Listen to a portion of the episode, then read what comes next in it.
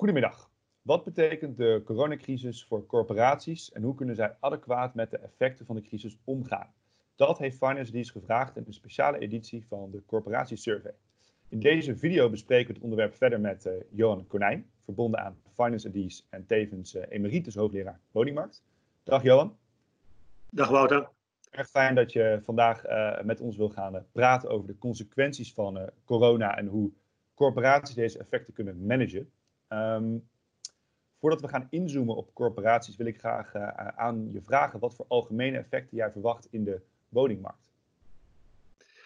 Ja, ik denk dat de koopwoningmarkt eigenlijk wel het sterkst getroffen gaat worden door de coronacrisis. We zien op dit moment nog niet zoveel van, omdat we eigenlijk, wat je zou kunnen zeggen, met pijplijn-effecten te maken hebben.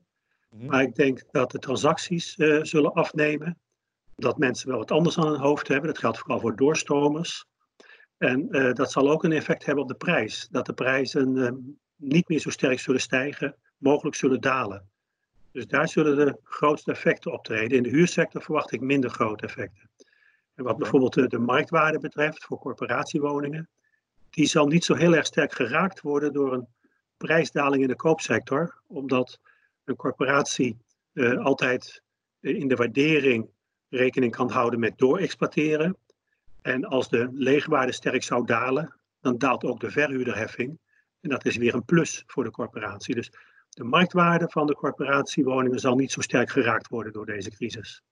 Mhm, dat is volgens nog niet een hele grote zorg. Um, maar als we kijken naar de woningmarkt in zijn algemeenheid, dan is het aannemelijk dat de, dat de prijzen wel gaan dalen op de lange termijn. Ja, nou ja, het, het is heel erg afhankelijk van de duur van deze crisis.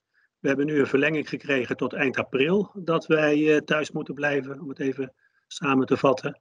Uh, als het daarna weer allemaal uh, zo zijn als vroeger, dan, dan, heb je, dan gaat, pakt het leven zich snel weer op. Maar mijn inschatting is dat die crisis wel langer zou kunnen duren. En dat we dus ook een, een, een, een, grotere consequentie zullen krijgen voor de woningmarkt. Oké, ja.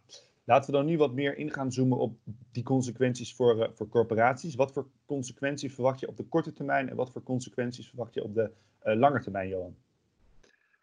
Nou, op de korte termijn denk ik dat uh, de hoogste prioriteit voor corporaties is om de bedrijfsprocessen opnieuw vorm te geven en rekening te houden met het feit dat veel meer digitaal moet worden afgedaan en dat mensen veel mindere mate bij elkaar uh, uh, in één ruimte kunnen zitten.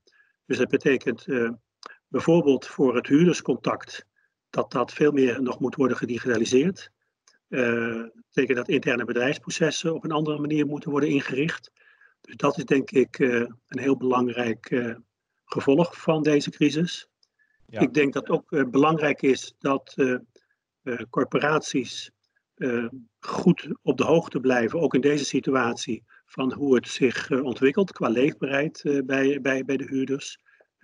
of, of, of er klachten zijn in de woning, dus de bereikbaarheid is mhm. een van de belangrijkste factoren, denk ik, waar nu op gelet moet worden, dat die bereikbaarheid intact blijft. Dus je verantwoordelijkheid nemen eigenlijk als corporatie richting jouw huurders, die ja, natuurlijk ook te kamp hebben met lastige situaties op dit moment. Ja, ja, ja, er kunnen, bij de huurders kunnen zich allerlei uh, gezondheidsproblemen uiteraard voordoen. Uh, dat kan ook consequenties weer hebben voor uh, het welbevinden. Het heeft consequenties voor uiteindelijk ook mogelijkerwijs voor, voor, voor de huurstroom die gaat, de huurderving die mogelijkerwijs kan, kan toenemen. Dus daar, daar is veel aandacht voor nodig om dat in goede banen te leiden. Als we gaan kijken naar bijvoorbeeld projecten en naar nieuwbouw, uh, renovaties, verduurzaming, dat soort zaken, wat verwacht je daarvoor consequenties voor corporaties? Dat blijkt ook wel uit de corporatiesurvey, dat corporaties verwachten dat dat wat, uh, wat minder zal worden, uh, dat, dat de renovaties zullen dalen, nieuwbouw zal wat minder worden. De ambities bij de verduurzaming blijven wel hoog, maar het is de vraag of dat ook in de praktijk kan worden gerealiseerd ik denk dat corporaties te maken zullen krijgen met het feit dat uh, de, de bouwmarkt uh, toch wat uh, minder kan produceren op dit moment, minder capaciteit is. Buitenlandse werknemers zijn voor een deel vertrokken. misschien kan er ook tekort aan materialen ontstaan. Dus als naarmate de crisis langer duurt, zal ook de, de stagnatie in, in de bouw toenemen. en dat heeft natuurlijk zijn consequenties dat plannen die corporaties hebben niet kunnen worden uitgevoerd. Dus ik verwacht niet dat de knelpunt in grote mate zit bij de corpora aan de corporatiekant, maar het is wel aan de uitvoeringskant, uh, planmatig onderhoud, renovaties, nieuwbouw. De uitvoering daarvan die wordt geraakt door deze coronacrisis. Ja, daar, daar kan uitstel gaan ontstaan eigenlijk. Ja, uitstel, uit... vertraging.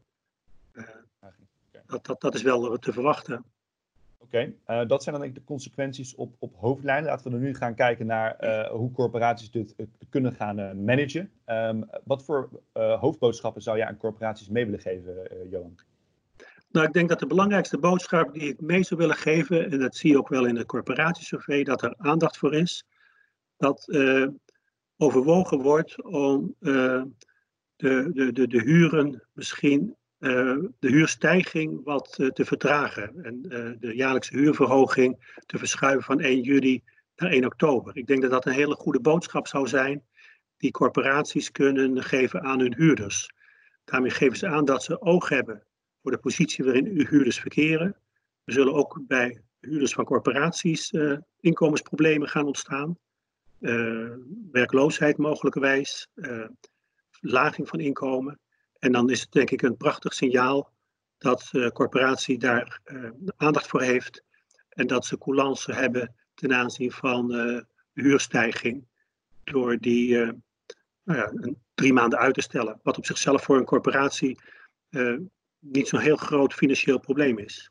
Ja, ja dus, dus, dus eigenlijk rekening houden met de problemen waar huurders nu mee, mee te maken hebben en daarin enige vorm van tegemoetkoming ja. bewerkstelligen, zou je, zou je ja, kunnen zeggen. Precies, precies, precies. Oké, ehm, en de, die langetermijn consequenties waar we het net over hadden, uh, bijvoorbeeld het uitstel van die projecten en die uh, renovaties, heb je een, een, een, een, boodschap naar corporaties hoe ze dat zouden kunnen managen? Ja, ik, ik zou, kijk, uh, op dit moment ehm, hebben we natuurlijk al een groot woningtekort. Eh, door deze vertraging neemt het woningtekort alleen verder toe. Dus ik zou corporaties oproepen om toch alles en alles alles op alles te zetten, dat aan de kant van de corporatie uh, daar niet verder aan wordt bijgedragen aan die vertraging. Dat, dat zij maximale inzet leveren om de nieuwbouw wel tot stand te laten komen. En, okay, en dan zijn ze ja. afhankelijk van gemeenten als het gaat om de vergunningen, zijn afhankelijk van bouwbedrijven voor de realisatie daarvan. Dus het, het, is niet een, een oplossing voor, voor alle problemen, maar dat in ieder geval aan de kant van de corporatie er geen bijdrage wordt geleverd aan die verdere vertraging. Oké, ja, dus, dus probeer ervoor te zorgen dat die, dat die projecten op lange termijn wel door kunnen blijven gaan. Ja. Uh, uh, dat het niet echt tot enorme vertraging of uitstel gaat leiden. Uh, nee, niet, in, ieder geval, in ieder geval dat de corporatie daar geen, geen, geen bijdrage aan levert aan de vertraging. Oké, ja. Oké, okay, Johan, hartelijk dank voor, voor deze boodschappen. Um, wil ik graag me nog richten tot, tot de kijker, want de resultaten van de corporatiesurvey die staan momenteel op financedienst.nl. Tevens kunt u via onze website ook een mindmap vinden die de consequenties van de coronacrisis voor corporaties verder in beeld brengt. Een erg handig tool dus voor de scenarioanalyse. Um, de links kunt u vinden in de beschrijving van deze video. Hartelijk dank voor het kijken en u kunt uiteraard altijd contact met ons opnemen voor, voor verdere vragen. Hartelijk dank, Johan, ook voor. Graag gedaan, Wouter.